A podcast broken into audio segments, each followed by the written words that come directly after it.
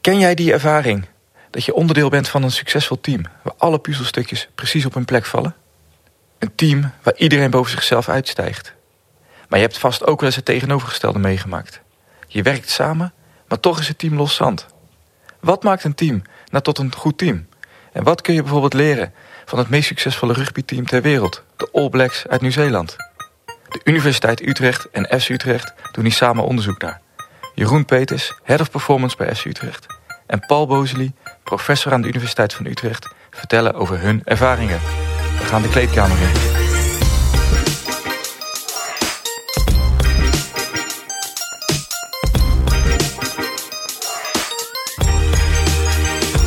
Topsport draait om iedere dag 1% beter worden. Binnen FC Utrecht werken we daar elke dag aan. Hoe we dat doen en wat jij daarvan kan leren, hoor je in FC Utrecht Next. Mijn naam is Niek Amelink, innovatiemanager bij FC Utrecht. Elke aflevering ga ik in gesprek met twee experts over belangrijke elementen in de topsport. En dat doe ik niet zomaar ergens, maar in de kleedkamer van FC Utrecht.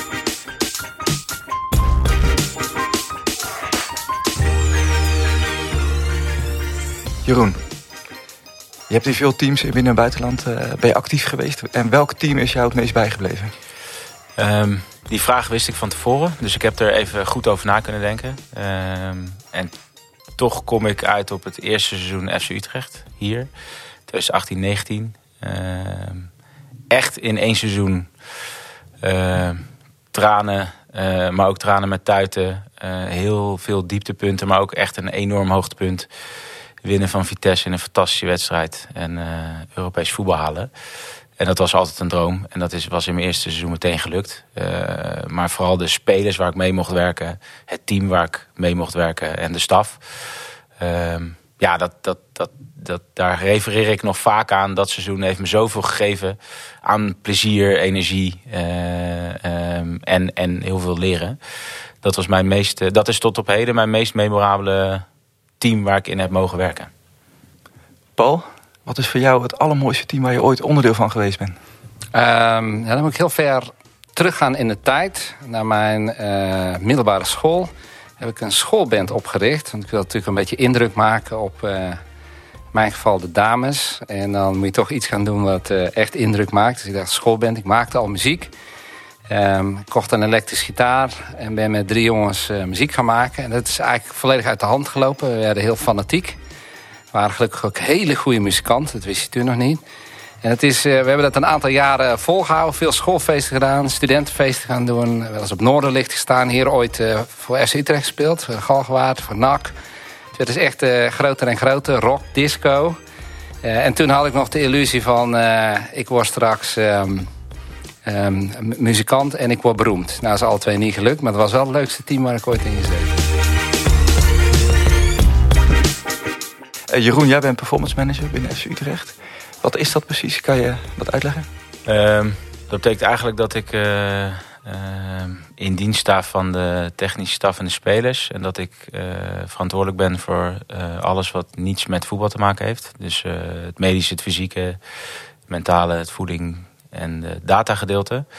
Uh, voor het eerste elftal, maar ook voor jong tot en met de jongste jeugd. Uh, dat is mijn, dat is in een notendop mijn, mijn rol en mijn verantwoordelijkheid bij Utrecht. En waarom moet elke club een Jeroen hebben? Ehm, nou, omdat je ehm, toch wel behoorlijk veel borden hebt waar je op aan het schaken bent als club. er gebeurt veel, heel veel individuele BV's die gemanaged moeten worden in de spelersgroep. Dat bedoel ik positief. Um, maar er moet overzicht op uh, uh, blijven. Er moet groei zijn. En uh, um, ja, ik ben eigenlijk gewoon de assistent van de hoofdtrainer. En zorg dat daar ook goed geschaakt wordt. Dat hij zich kan concentreren op het technische en tactische gedeelte. En dat ik hem help met alles wat wij tot onze beschikking hebben. Om voor hem het beste team op het veld te krijgen. Waar hij ideaal mee kan werken om wedstrijden te winnen. Mooi. Uh, Paul, jij bent hier ook elke dag mee bezig met dit, uh, met onderwerp. Uh, onderzoeken, maar ook volgens mij zelf privé in, jouw, in jouw vrije tijd. Waar, waar komt jouw passie voor teams vandaan? Um, nou ja, het heeft enerzijds te maken met een persoonlijke overtuiging... dat samen iets doen tot meer leidt. Het geheel is meer dan de som der delen. Dus als je samen iets maakt, iets creëert dan kunnen er mooie dingen ontstaan. Er is ook een hoop plezier, want in teams of in samenwerking vindt ook uitwisseling plaats. Dus je kan ook leren. Um, en uh, ja, als het, als het goed gaat en je wint of je hebt succes, dan kan je dat ook samen vieren. Uh, en als je verliest, dan kan je ook samen het verlies dragen. Dus er zit iets uh, in dat, dat het een overtuiging van mij persoonlijk is dat het collectief, de teamspirit, het samenspel uh, iets brengt. In, in, in positieve zin, maar ook als het niet goed gaat, kan je dat iets positiefs brengen. En wetenschappelijk gezien zien we dat, uh, dat het ook heel veel potentie heeft om gezamenlijk uh, beter te presteren. En dat presteren kan dan heel breed zijn. En wat bedoel je precies met potentie van het onderzoek? Dat, dat, wat bedoel je daar precies mee? Uh, nou, in, in, kijk, in, in de wetenschap uh, vanuit mijn eigen vakgebied... wat zich richt op hoe kan je het beste uit medewerkers halen... dus dat is heel breed. Uh, dan zie je dat er een aantal principes zijn die, uh, die belangrijk zijn. Uh, principes van beter willen worden. principes van de juiste drijfveren met iets bezig zijn... wat je ook identiteit geeft of wat ook betekenisvol is. Waar je je passie en je hart aan kan verliezen. Maar ook een stukje ja, autonomie en, en teamwerk en samenspel. En die, die verschillende componenten, ook in samenhang met elkaar die kunnen leiden tot prestaties die goed zijn voor het individu. Want je gaat je daar lekker door voelen bijvoorbeeld. En uh, je hebt er extra zin in. Uh, voor het team, dat je ook gezamenlijke successen boekt. Denk, aan voetbal. Hè, dat, je, dat je ook niet alleen scoort, maar dat je ook, dat je ook pressie kan zetten. Druk op de bal, een hele wedstrijd. Of althans een, groot gedeelte van de wedstrijd. Maar ook als organisatie, dat je gezamenlijk iets kan bereiken. En daar hoort niet alleen maar prestatie bij van het individu en van het team in harde cijfers. Maar dus ook het vieren van je succes. Of het delen van je verdriet. Ja, dat is volgens mij onwijs interessant. En uh, de Universiteit Utrecht en FC Utrecht zijn natuurlijk steeds intensiever aan het uh, samenwerken. Ook op dit vlak. Kunnen jullie daar iets over vertellen? Uh, dat is eigenlijk begonnen in een gesprek met jou, Niek. waarin wij zochten naar, in coronatijd naar samenwerkingen die ons weer een stapje verder konden helpen. Uh, met uiteindelijk het doel om het eerste elftal een stap verder te helpen. Maar dan echt ver achter de schermen. Uh, en toen hebben we een aantal uh, uh, ja, innovatieve dromen uitgeschreven. En een daarvan was wetenschapbedrijven op het gebied van uh, team spirit, team performance. En dat in de praktijk weten te brengen. En dan wel wetenschap met echte wetenschappers die ons kunnen helpen uh, een blauwdruk te maken van FC Utrecht. Wie is FC Utrecht? Waar staan wij voor? En hoe kunnen we dat gebruiken? de kennis die zij hebben om uh, het ideale team te formeren. Uh, en om uiteindelijk daar ook meer wedstrijden mee te winnen. Dat was het uiteindelijke doel. En zo ben jij de boer opgegaan. En ja, het netwerk van FC Utrecht aangesproken. En zo ben jij ook bij Paul terechtgekomen. En daar heb ik mee gezeten samen met, met Jordi ontzettend leuk gesprek gehad, het eerste gesprek. Daar zat je overigens nog bij.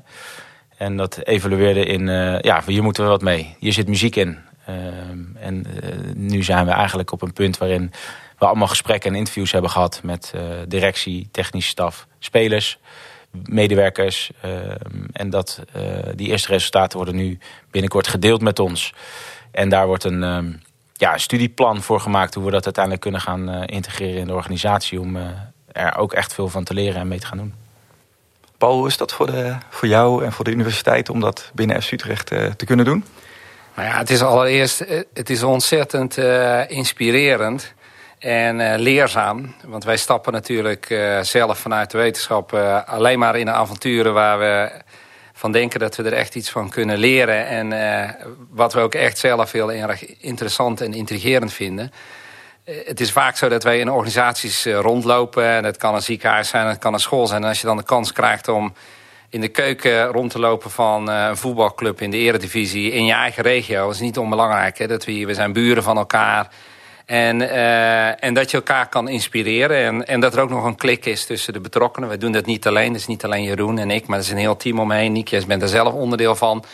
Uh, ook mensen uit de sporthoek vanuit de uh, Universiteit Utrecht... Uh, als Frank van Ekeren en Maarten van Bottenburg... maar ook Jan Tunissen, et cetera, et cetera. Dus het is een heel team wat ermee bezig is. En, en, en iedereen, ja, je ziet wel dat iedereen er heel enthousiast van wordt. Ook omdat er een aantal vraagstukken liggen... die wetenschappelijk gezien en maatschappelijk gezien... Ja, intrigerend zijn en, en de moeite waard zijn om je verder op te richten. Het klinkt allemaal heel abstract... Uh, maar dan in de praktijk blijkt het ook wel een mix tussen uh, hier rondlopen, uh, observeren, met mensen in gesprek gaan. En, en de eerste kennis maken, niet alleen om deze betrokkenen... maar ook met bijvoorbeeld de spelerstaf en met de trainer... en met, met mensen hier. Ja, dat is best spannend. Spannend voor uh, mensen van FC Utrecht, maar ook spannend voor ons. Zit je in één keer ten, tegenover spelers uit het eerste team. We hadden dit namelijk ook nog nooit gedaan. Nee, maar zij vonden het ook heel spannend. Ja. oh, er komt een hoogleraar, komt een professor. Die komt, ja. Wat komt hij doen?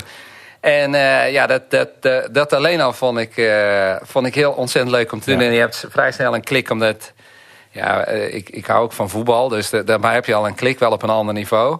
Um, en, en wij doen veel van dit soort onderzoek in hele andere contexten... waar we gewend zijn om gewoon echt het gesprek aan... Wij zijn nieuwsgierig. En iedereen heeft wel een beetje die million dollar question. Wat maakt nou een goed team? Daar is iedereen op elke laag van onze organisatie mee bezig. Je hebt team binnen een team. Hè? Je hebt uh, uh, de financiële afdeling is een team binnen de club. Maar die moet ook goed samenwerken om optimaal resultaat te hebben. Dus iedereen met wie Paul dan spreekt... heeft een bepaalde drang om zijn team naar een volgend niveau te brengen... beter te laten samenwerken, te inspireren... en zo ja, de gehele organisatie naar een hoger plan te tillen. Dus wij waren heel nieuwsgierig naar wat, wat, wat komen ze vragen, wat komen ze vertellen. Maar andersom waren jullie dus ook heel nieuwsgierig. Waar bestaat FC Utrecht eigenlijk uit? En dat was wel een hele leuke, dat was een hele leuke mix en de wetenschap toelaten zeg maar, in de voetballerij. Waarom is dat uh, spannend voor, uh, ja, voor FC Utrecht? Nou, omdat we hebben, je ziet dat er heel veel ontwikkeling op dit moment uh, is. Hè. Er zijn wel wat nieuwe trends zichtbaar in de, in de topsport. En niet alleen voetbal. En daar is GPS de laatste tien jaar eigenlijk de grootste trend in geweest. En wat je nu ziet is dat, dat de mental side of the game wordt een steeds belangrijkere pijler. En dat gaat ook steeds meer erkenning krijgen. Um, maar dat zijn vaak nog ja, speldenprikkels, drup op, uh, op een gloeiende plaats. En dan nog hele kleine interventies. Ja. En dit is wel echt een ietsjes groter. Uh, dus we, we, we, gaan echt een paraplu over die hele organisatie heen gooien. En iedereen krijgt er iets van mee. En dat is wel anders dan wat er nu nog een beetje gebeurt. Mondjesmaat wordt het langzaam geïntegreerd. Wij proberen, dat doen we ook. Alleen daarnaast doen we nog een heel groot traject... waarbij we het veel groter proberen aan te pakken. En dat is wel nieuw. Dat, dat heb ik nog niet op veel plekken gehoord dat dat gebeurt. Ja, want die vraag die je net stelde van wat maakt een team een succesvol team? Hè? Ja. En, ja, die vraag heeft iedereen, of iedereen in onze organisatie hebben veel ja. mensen dat. En dan de All Blacks in uh, Nieuw-Zeeland is natuurlijk wel een, een, organisatie in een team wat wel uh, vaak als voorbeeld wordt gebruikt. Van, ja. En daar is iets magisch. Ja. Uh, ja, kennen jullie dat voorbeeld? Kunnen jullie daar iets over vertellen? Nou, dat is de meest succesvolle team ter wereld. sportteam. Dus, uh, en meest succesvol in de zin van het meest, de hoogste winratio. Dus die hebben de hoeveelheid wedstrijden die ze winnen, percentueel gezien, uh, zijn zij het beste team ter wereld. En zij hebben een bepaalde cultuur om zich heen. Een bepaalde, ja, dit oogt heel geheimzinnig, maar dat is het helemaal niet. Want ze geven volle bak openheid van zaken. Maar daar, uh, ja, daar zit een hele filosofie achter. En hebben ze echt mondjes, of daar hebben ze daar, niet mondjes, maar daar hebben ze echt met, met, met hele kleine stapjes heel groot resultaat weten te halen. Ja, en tot op heden houden ze dat goed vast. Ze worden natuurlijk wel redelijk uh, beconcurreerd door andere ploegen die ook aan het doen zijn wat zij uh, doen. Maar dat is een, een mega inspirerende setting waar zij in zitten. En wat maakt die filosofie die zij daar hebben ontwikkeld uniek? ja, in mijn optiek, maar ik weet niet of Paul het daarmee eens is, is uh, uh, in, in het bouwen van een team begint het eerst met het gevoel wat je met mensen hebt. Dan ga je op de relatie zitten en dan kom je een keer op de inhoud. En die heb ik, de, deze hoorde ik toevallig. Ik was gisteren in gesprek met iemand. En toen wilde ik uitleggen wat we deden. En die gaf mij deze terug. En toen dacht ik, ja, dit klopt wel wat jij zegt. Want dat doen zij ook. Je, je brengt, je, het shirt wat jij aankrijgt moet naar een betere plek.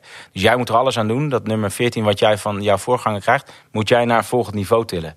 Dus jij moet eigenlijk nog beter zijn dan zijn, jouw voorganger. En dus je moet echt op alle mogelijke manieren zoeken naar die 1% verbetering. Want je bent al heel goed, maar je moet nog veel beter worden. En dat begint met een gevoel in het samenwerken. Ja, dit gaan we met elkaar doen. Dan komt, uh, kan je pas op de relatie gaan werken en dan ga je uiteindelijk pas op de inhoud. En niet andersom. En dat vind ik een hele, ja, vind ik een hele fijne manier van uitleggen van een cultuur bouwen. Uh, het begint met hele kleine stapjes. En heb jij dat al uh, gezien uh, in de onderzoeken hier, Paul? Of uh, dingen die je meeneemt hierheen naar FC Utrecht? Nou, ik denk dat dat nog te vroeg is. Dat, dit is het typische antwoord van een wetenschapper. Hè? Die, natuurlijk, wij moeten ons verhouden tot ook de bevindingen. Een stapje ervoor, als ik aan mag haken op wat Jeroen net zei. Kijk, dit, wat de All Blacks bijzonder maakt, is... zij behoren tot, nou, als we het als een organisatie zien... tot wat we zouden noemen, kunnen noemen iconische organisaties. En iconische organisaties doen het op een of andere manier uh, ontzettend goed en, en zijn bekend. hebben ook een uitstraling. Dat heeft dus kennelijk iets te maken met een overtuiging, zoals Jeroen zegt, maar ook met een cultuur, met bepaalde kernwaarden. En soms vertaalt zich dat niet eens in uh, geëikte successen. Dus ik noem een paar voorbeelden. Het Koninklijk Concertgebouw Orkest in Amsterdam is een iconische organisatie. Behoort tot de beste orkesten ter wereld. Leiden wel altijd verlies als ze geen subsidie krijgen.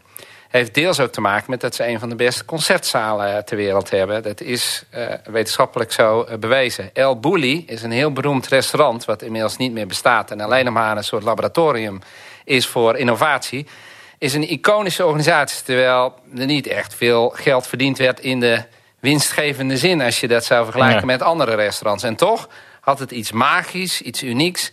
En niet onbelangrijk, kan het bijna niet kopiëren. En dan zit het dus kennelijk heel diep in de haarvaten van de organisatie... in de DNA van, uh, van zo'n club, van een team... En ook in de mensen. En die gaan zich daar kennelijk naar gedragen. En dan kom ik terug bij die All Blacks die Maori's spelen daar wel een centrale rol in. Het is een eiland, daar, uh, het is een eilandengroep. Als je het heel goed gaat bekijken, als je wat zou verdiepen in die Maori's... dan is dat, ja, dat net als Aboriginals in Australië... is dat een, een bevolking met een hele rijke historie... die een wat andere positie hebben kunnen verwerven in Nieuw-Zeeland... dan de Aboriginals dat hebben kunnen doen in Australië. Dus de Maori's en hun cultuur en hun erfgoed er is ook van alles misgegaan. Maar dat is meer omarmd door de, uh, de nieuwe bewoners... dan bijvoorbeeld Australië dat gedaan heeft met de aboriginals. Dat zien we in de haka die ze doen op het moment dat ze het veld opkomen. Dat zien we in uh, de, de zwarte tenues die dat uitstraalt. En uh, ja, ook de, de, de nieuwelingen die geen Maori-achtergrond hebben... die hebben dat als het ware omarmd. En met trots en met passie... Nou, dit kan je niet zomaar kopiëren. Je hebt niet een Utrecht HK of iets dergelijks. Of rood-wit uh, wat zich vertaalt naar, naar zo'n soort cultuur. Daar ben je wel naar op zoek naar een identiteit, naar uh, normen, kernwaarden. En dat zit soms in onverwachte hoek. En wij zijn erg geïnteresseerd A in wat is dan je erfgoed en hoe kan je daar gebruik van maken. dus wat ligt, er, wat ligt er al? En we zijn de bouwstenen om hierop aan te haken. En dat doet FC Utrecht denk ik voor een uh, deel al. En het andere, anderzijds is, en dan refereert Jeroen ook aan... hoe kun je bepaalde interventies bedenken die dit, die dit gaan versterken. En dat kan via een bepaalde teamspirit zijn... of een bepaalde overtuiging of filosofie. En dan zie je ook initiatieven die op dat vlak uh, ontwikkeld worden. Um, Jeroen, als je het hebt over interventies uh, plegen... Die, die, wat, waar Paul het net over heeft...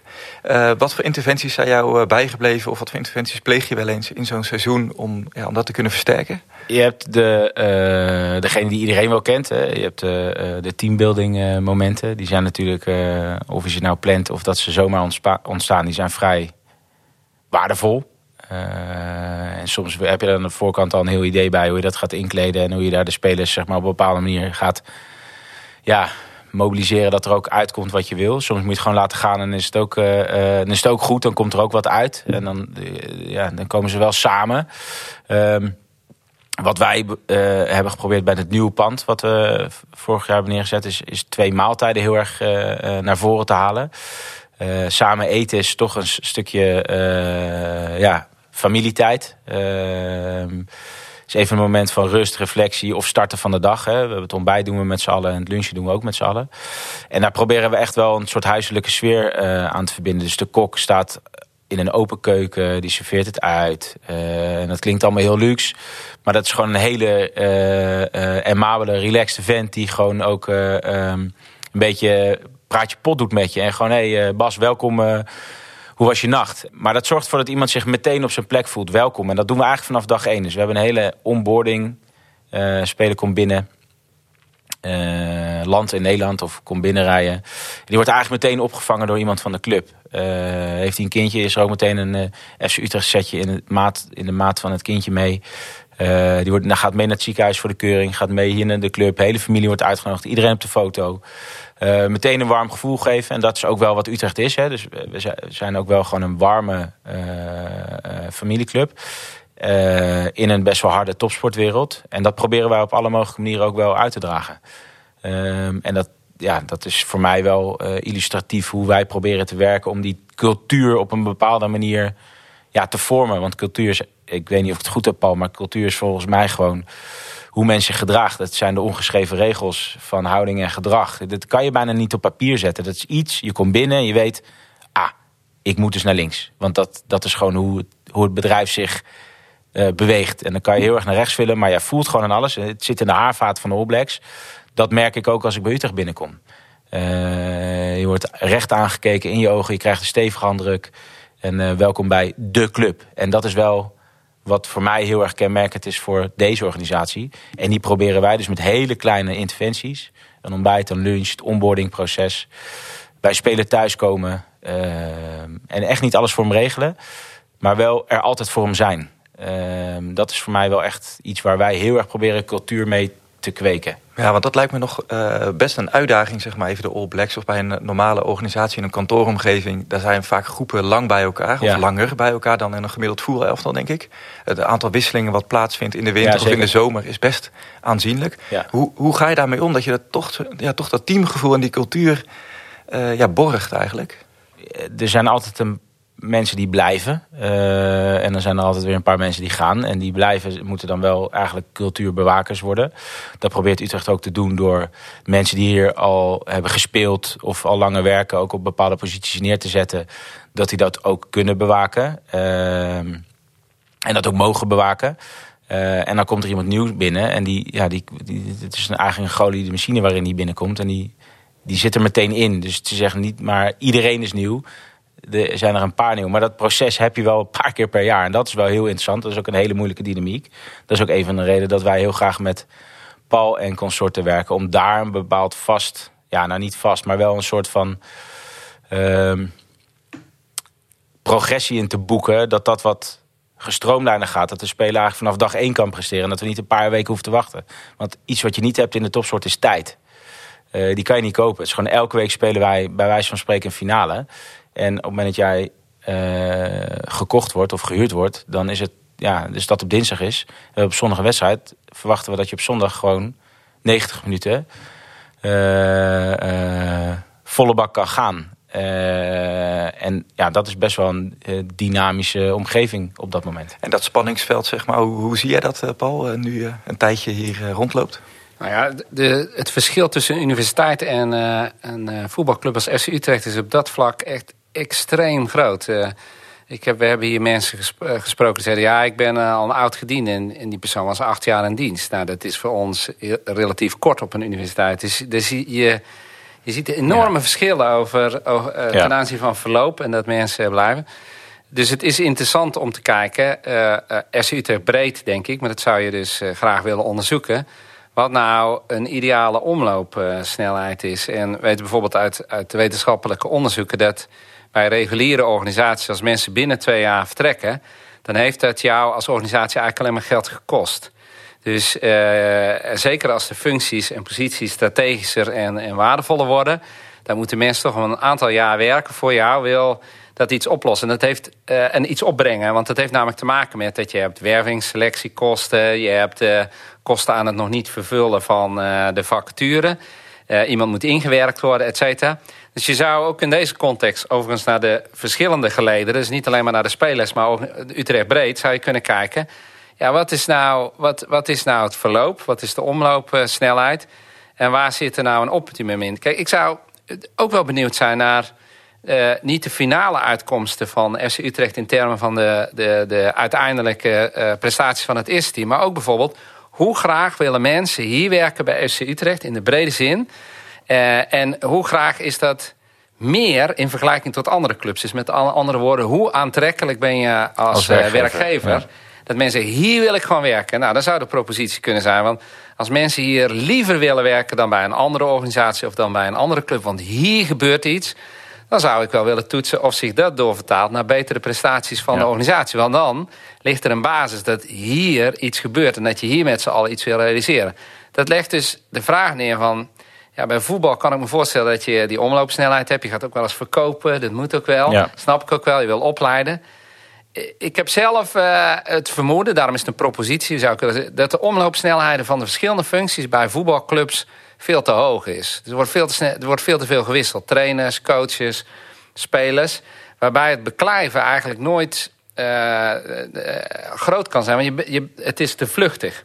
Nou, daar kan je allemaal strategisch over nadenken. Want het kan ook zijn dat als je dat maar bij een beperkt aantal posities doet... dat zou je dus moeten onderzoeken, dan is dat niet zo erg. Maar als dat in één keer een half team is... of dat nou accountancy is, of dat nou HRM is... of dat nou de spelersgroep is, dan, wordt dat toch, dan kan dat een probleem worden. Nou, dat zou je wetenschappelijk willen onderzoeken. En dan is het dus heel belangrijk dat je wel begrijpt hoe je cultuur moet bouwen. En dat je een paar mensen hebt die daar op dagelijkse uh, basis mee bezig zijn. Op het moment dat er dus een hele nieuwe lichting binnenkomt. En bij ons is dat op dit moment bij uitstek Mark van der Marel. Als ik even een speler mag uitlichten die dat voor ons doet. Die zit er al relatief uh, lang. Uh, zeker voor voetbalbegrippen zit hij lang bij dezelfde club. Dat is gewoon ja, op zichzelf staand een iconische persoon. Ehm, en dat is wel echt een cultuurdrager voor ons als FC Utrecht binnen het eerste elftal. Maar die hebben wij eigenlijk op alle geledingen binnen de club wel. Dus daar, eh, daar borg je best wel wat mee. Ehm, maar toch is het heel moeilijk, want de ene iemand kan het verschil maken naar links of naar rechts. Dus in positieve of een negatieve zin. Ja, ja maar ik denk in die zin moet je ook niet alleen maar kijken naar de, naar de spelers in het eerste elftal. Kijk naar jouw eigen team. Uh, wat ik daar heel interessant aan vond toen je begon te vertellen hoe jij zelf werkt en wat jouw eigen filosofie is. Uh, zei je van nou, in mijn team moeten mensen kunnen roleren. Dus ik wil niet dat mensen zich specialiseren, maar ik wil graag dat mijn mensen die zich bezighouden met vraagstukken rondom vitaliteit, eh, fysiotherapie, uh, noem het allemaal maar op, gezondheid, mentale gesteldheid, dat mensen in mijn team verschillende rollen kunnen. Dat we allemaal vervangbaar zijn. Dat maakt het ook leuker. Dat maakt ja. ook ontwikkelings... Mensen moeten niet te lang op één plek zitten. Nou, dat heb jij in de praktijk gebracht. Deze principes zou je ook kunnen toetsen. Van wat levert dat nou op in termen van betrokkenheid, motivatie, inzetbereidheid. Hoe jij jezelf eh, voelt. Jij gaf zelf al aan. Dat betekent dat wij niet allemaal elke dag daar hoeven zijn. Wij kunnen gewoon, we hebben een wisselend schema. Dan, kan je ook, dan heb je ook eens rust. Dus je hebt erover nagedacht.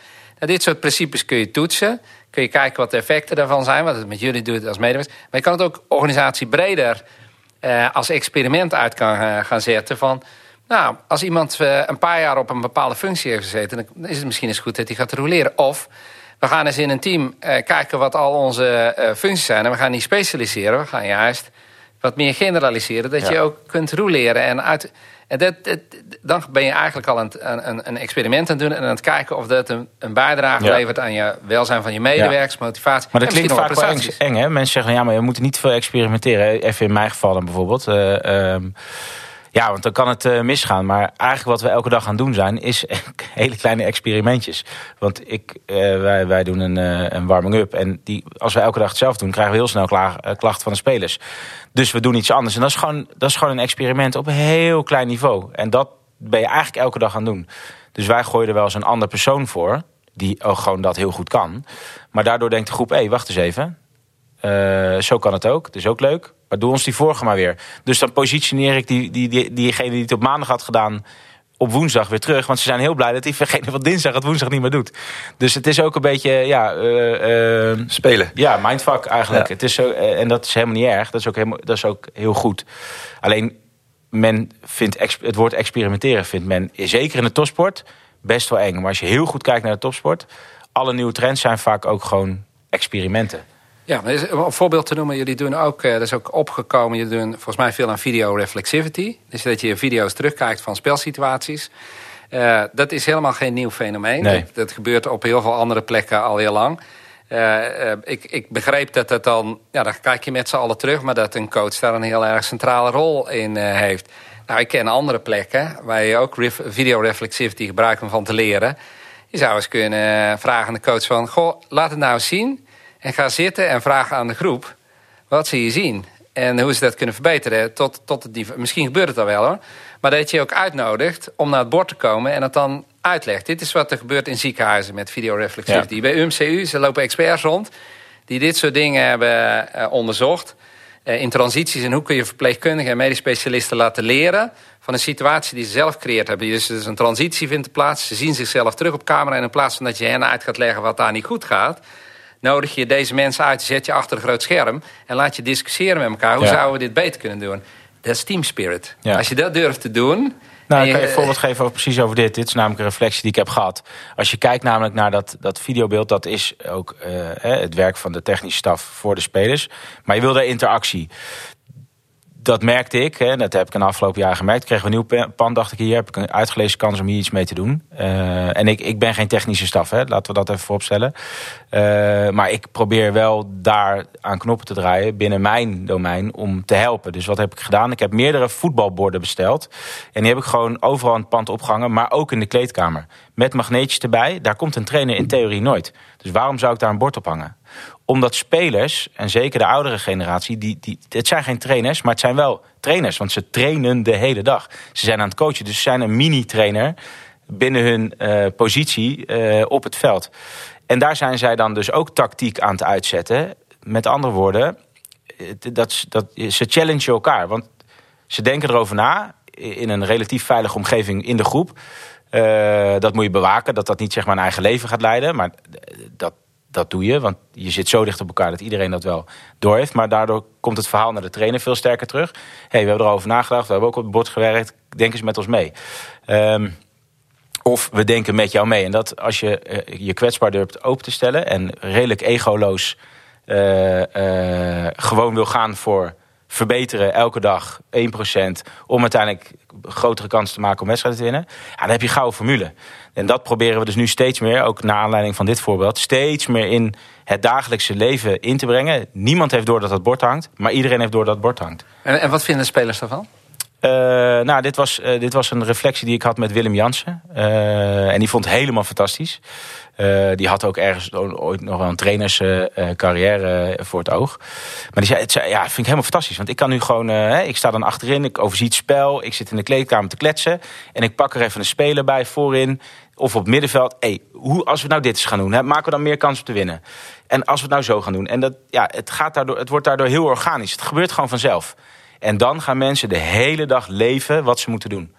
En Super. Dat... Uh, Jeroen en Paul, dit zijn volgens mij echt fantastische voorbeelden over uh, ja, hoe je heel concreet, zeg maar, uh, ja, gewoon die betrokkenheid volgens ja. mij van mensen binnen de cultuur die je wil hebben, ja. kan bouwen en daarmee om kan gaan. Daar gaan we zo meteen verder over praten. we gaan snel, Paul. nee, dat is fantastisch, maar daar gaan we zo over door. Nu eerst even twee tips van jullie.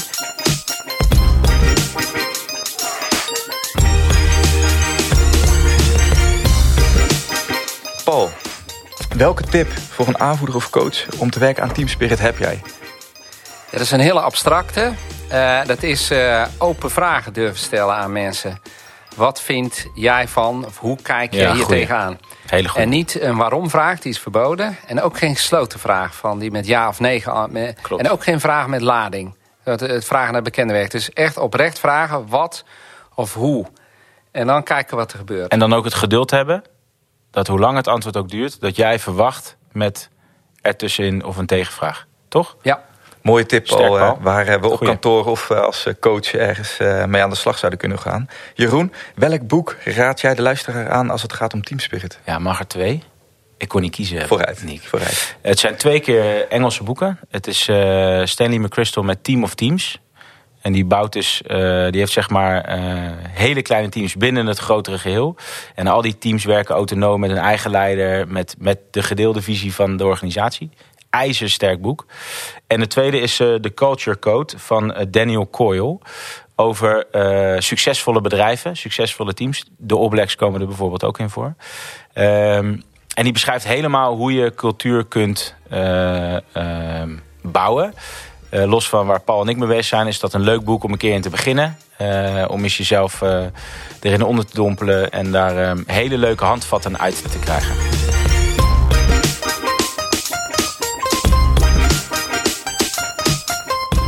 Ja, ik ben zelf trainer van Vriendenscha 1.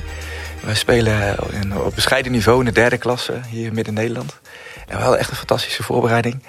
Uh, we draaiden goed, het was gezellig, goede sfeer. We hebben teamsessies gehad, uh, over waarden en normen gesproken. Daar met elkaar echt heel actief mee aan de slag gegaan. Prestaties waren goed, uh, alles gewonnen of gelijk gespeeld. En dan begint die competitie. En dan drie wedstrijden, nul punten. Ja, dan is de dinsdagavond ineens anders. Wat voor tips hebben jullie aan mij? Hoe moet ik hiermee omgaan? Om het team wel, ja, die teamspirit gewoon goed te houden. Ik uh, ben zelf uh, teammanager van uh, mijn zoon. die spelen JO 16. ze zijn de tweede elftal, dat is onder ons selectieteam. En de club is, waar wij voor spelen is buitengewoon ambitieus. Dus het selectieteam speelt divisie en ze hebben ons in de hoofdklasse geduwd. En dat is best pittig voor, voor ons team. We hebben een aantal spelers uit de selectie die afgevallen zijn. Dus we zijn ook niet slecht, maar Um, ja, en dan is het heel moeilijk om de spirit erin te houden bij die kids. Want die willen toch gewoon wel eens een keer winnen. En tegelijkertijd um, in blijven zetten op uh, wat, wat was nou de training en wat, wat, wat, was nou het doel van de training. En hebben we dat teruggezien in het spel. En, en ook vragen in de pauze en na de wedstrijd van hoe vond je de wedstrijd en wat ging er goed. Um, en... En uiteindelijk, waar ik heel erg in geloof, is... Uh, uh, ik geloof dus niet in vriendenteams. Dat vind ik echt, uh, daar heb ik helemaal niets mee. Het team wat wij hebben zijn geen vrienden van elkaar. Maar je, ik, ons, mijn hoofddoel en van onze trainers is... dat je juist in zo'n team kan je er echt voor gaan. Vriendenteams hebben als risico. Dat je gewoon, ja, kan je elkaar echt feedback geven. Kan je elkaar echt eens een trap geven op... Op de training. En het team wat wij coachen, dat zit echt... Daar hebben we een andere uitdaging, namelijk dat je van die subteams hebt en clubjes. Maar als ze, als ze allemaal de kop erop hebben staan... Uh, dat het veld opkomen, we gaan hier dus niet... We gaan met de, de, kop omhoog het veld af, wat er ook gebeurt... dan zijn ze bijna niet te verslaan. Want dan, dan gaan ze echt door het vuur heen. Niet als vrienden, maar gewoon als, als echt een team met teamspirit. Dus uh, in die zin is het ook met FC Utrecht wel spannend. Van wil je nou een, een familiecultuur? Een families zijn kunnen heel tricky zijn. Ik weet niet wat voor familie jullie hebben. Maar de familie heeft, een clan heeft zijn kracht. Maar heeft ook een enorme zwakte. En ik zou vooral ook uh, de kracht zoeken in diversiteit. Met een gemeenschappelijk doel. En daar kijk ik ook wel met, uh, met heel veel genoegen naar Amerikaanse sporters. Die er voor mijn gevoel beter in slagen in teams om ook als elkaar echt niet mogen... toch als team te kunnen presteren als ze het veld opkomen. En hoe ze dat doen, dat weet ik niet precies. Maar daar kunnen we denk ik nog wel een paar lessen uithalen. Maar hoe is de teamspirit bij jullie dan uh, nu uh, na zo'n start die zwaar is? Uh, veel druk, maar hoe is die teamspirit nu bij jullie en hoe ga je daarmee om? Nou, de teamspirit is op zich best goed. Um, uh, maar dat heeft ook mee te maken dat we iedereen, iedere speler aan het begin van het seizoen gevraagd hebben... op welk niveau zou je het liefst willen spelen. En dat kon zijn eerste klasse, hoofdklasse of een divisieniveau. En vrijwel iedereen heeft hoofdklasse als ambitie uitgesproken. Dus dat was ook het contract wat we met elkaar afgesproken hebben. We willen dit niveau spe uh, spelen. We hebben toen dat ook teruggekoppeld aan de groep en gezegd... ja, dat komt wel met consequenties. Dat, is wel, dat wordt wel zwaar. Dus... Ja. Het wordt of dat we het net niet gaan halen, maar dan gaan we er heel veel van leren. Ja. Uh, en daar, daar zit het team nu wel een beetje. En we, omdat we nu gelijk gespeeld hebben, zaterdag weer een oefenwedstrijd, ook tegen een hoofdklasse. Dus ze hebben ook vertrouwen gekregen. Wij kunnen dit niveau aan, maar het komt er nu nog niet uit. Ja. En dan heb je een stip op de horizon. Maar door hen een stem te geven, en het voorbeeld wat Jeroen net gaf... Wij hebben in de pauze nemen we ook altijd een bord mee. En dat leggen we in het midden. En dan vragen we de aanvoerders van de verschillende uh, linies om een reflectie te geven hoe gaat het tot nu toe. En die gaan ook naar het bord toe en die gaan erop schuiven. En dan doet de, de coach doet het heel goed.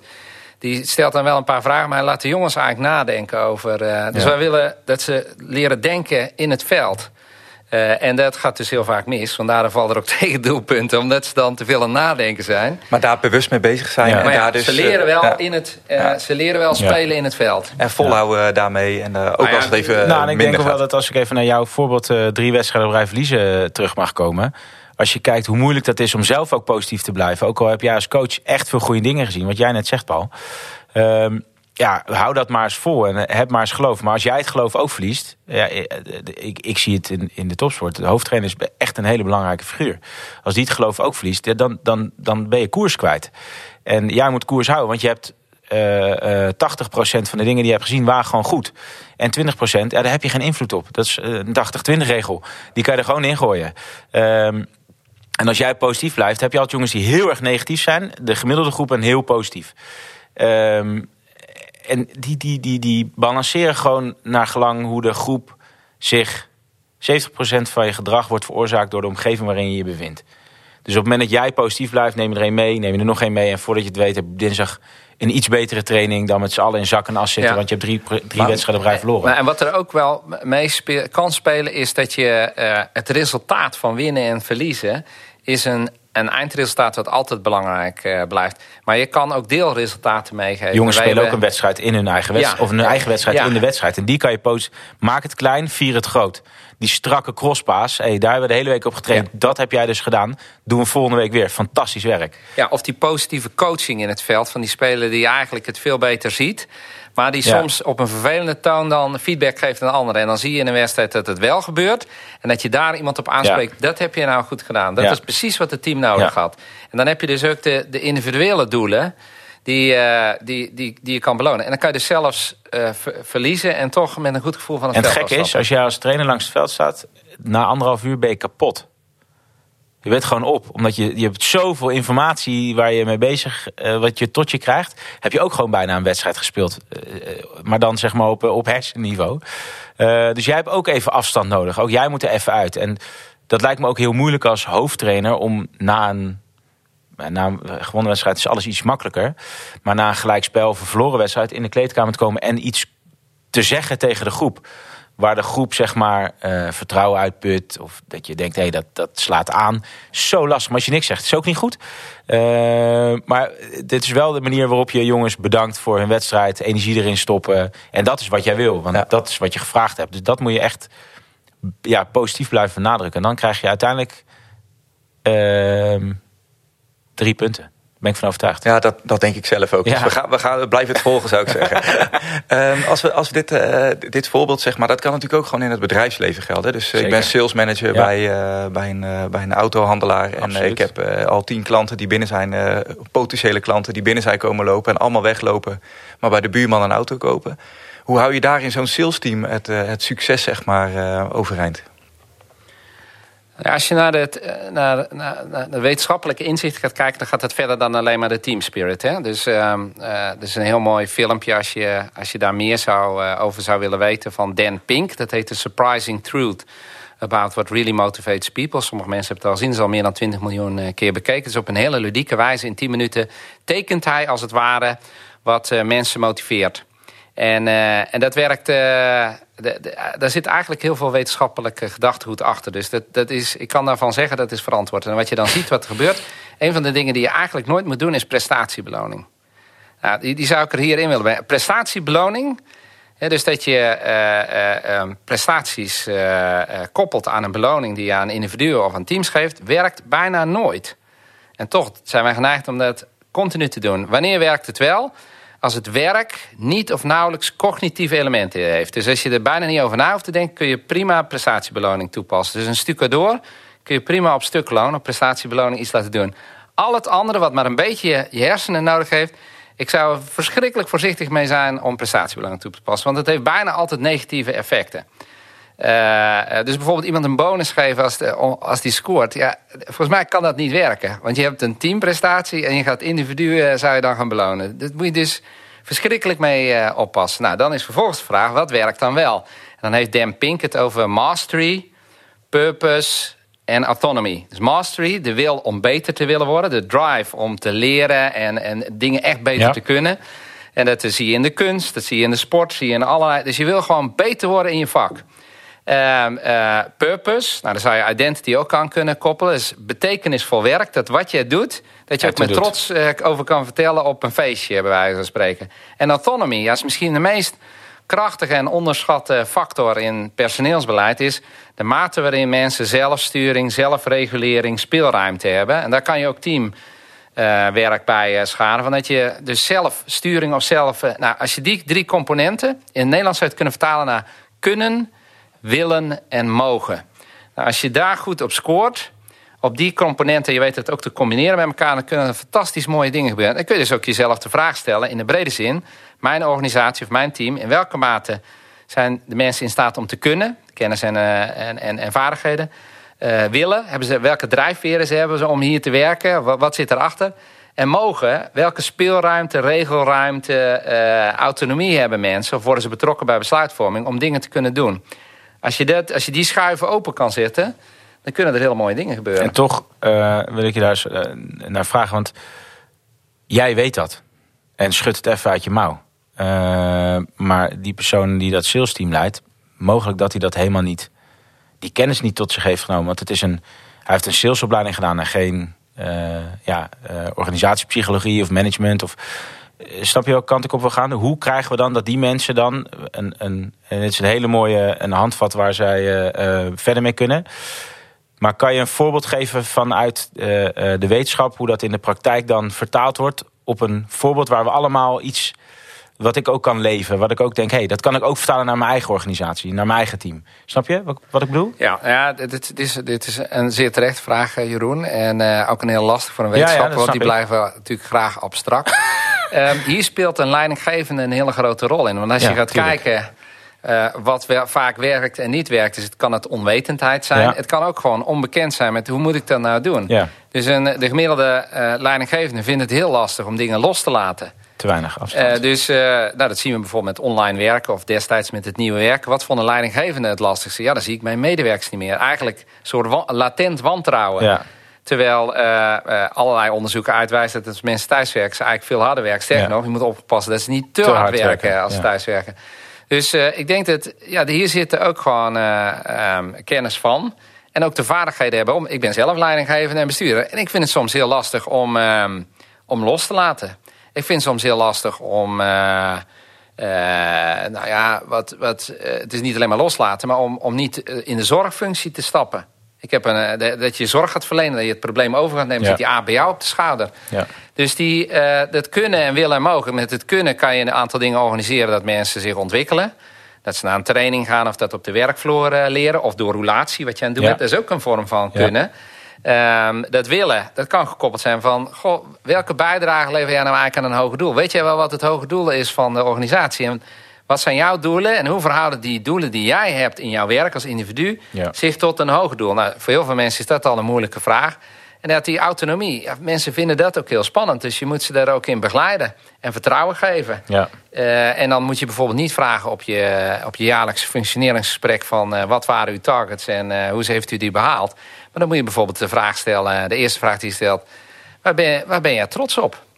Ja. En de tweede vraag is, nou, dan gaan ze hele leuke dingen vertellen. Zeggen, wat had je ervoor nodig om dat te realiseren? En dan ontrafel je aan welke knoppen je kunt draaien... om mensen in een goede beweging te krijgen. En volgens mij uh, zien we in, in dit interview, uh, of in, in, deze podcast... zien we dat dit een, uh, ja, een, een, enorm groot onderwerp ook is. Hè? Dat niet alleen over een team gaat of over een tactiekbord... maar dat iets is wat, wat, ja, wat je als organisatie, als gehele organisatie eigenlijk moet doorleven... en met z'n allen heel bewust van bezig moet zijn. Maar dat het ook iets is wat van kleine stapjes elke dag mee bezig zijn... en hele kleine interventies doen. Ik wil jullie bedanken voor, voor jullie input, voor jullie het inkijkje in de keuken van, van SU Utrecht... Um, en de Universiteit Utrecht. En uh, ja, dank voor deze aflevering. Graag gedaan. Zonder zorgen.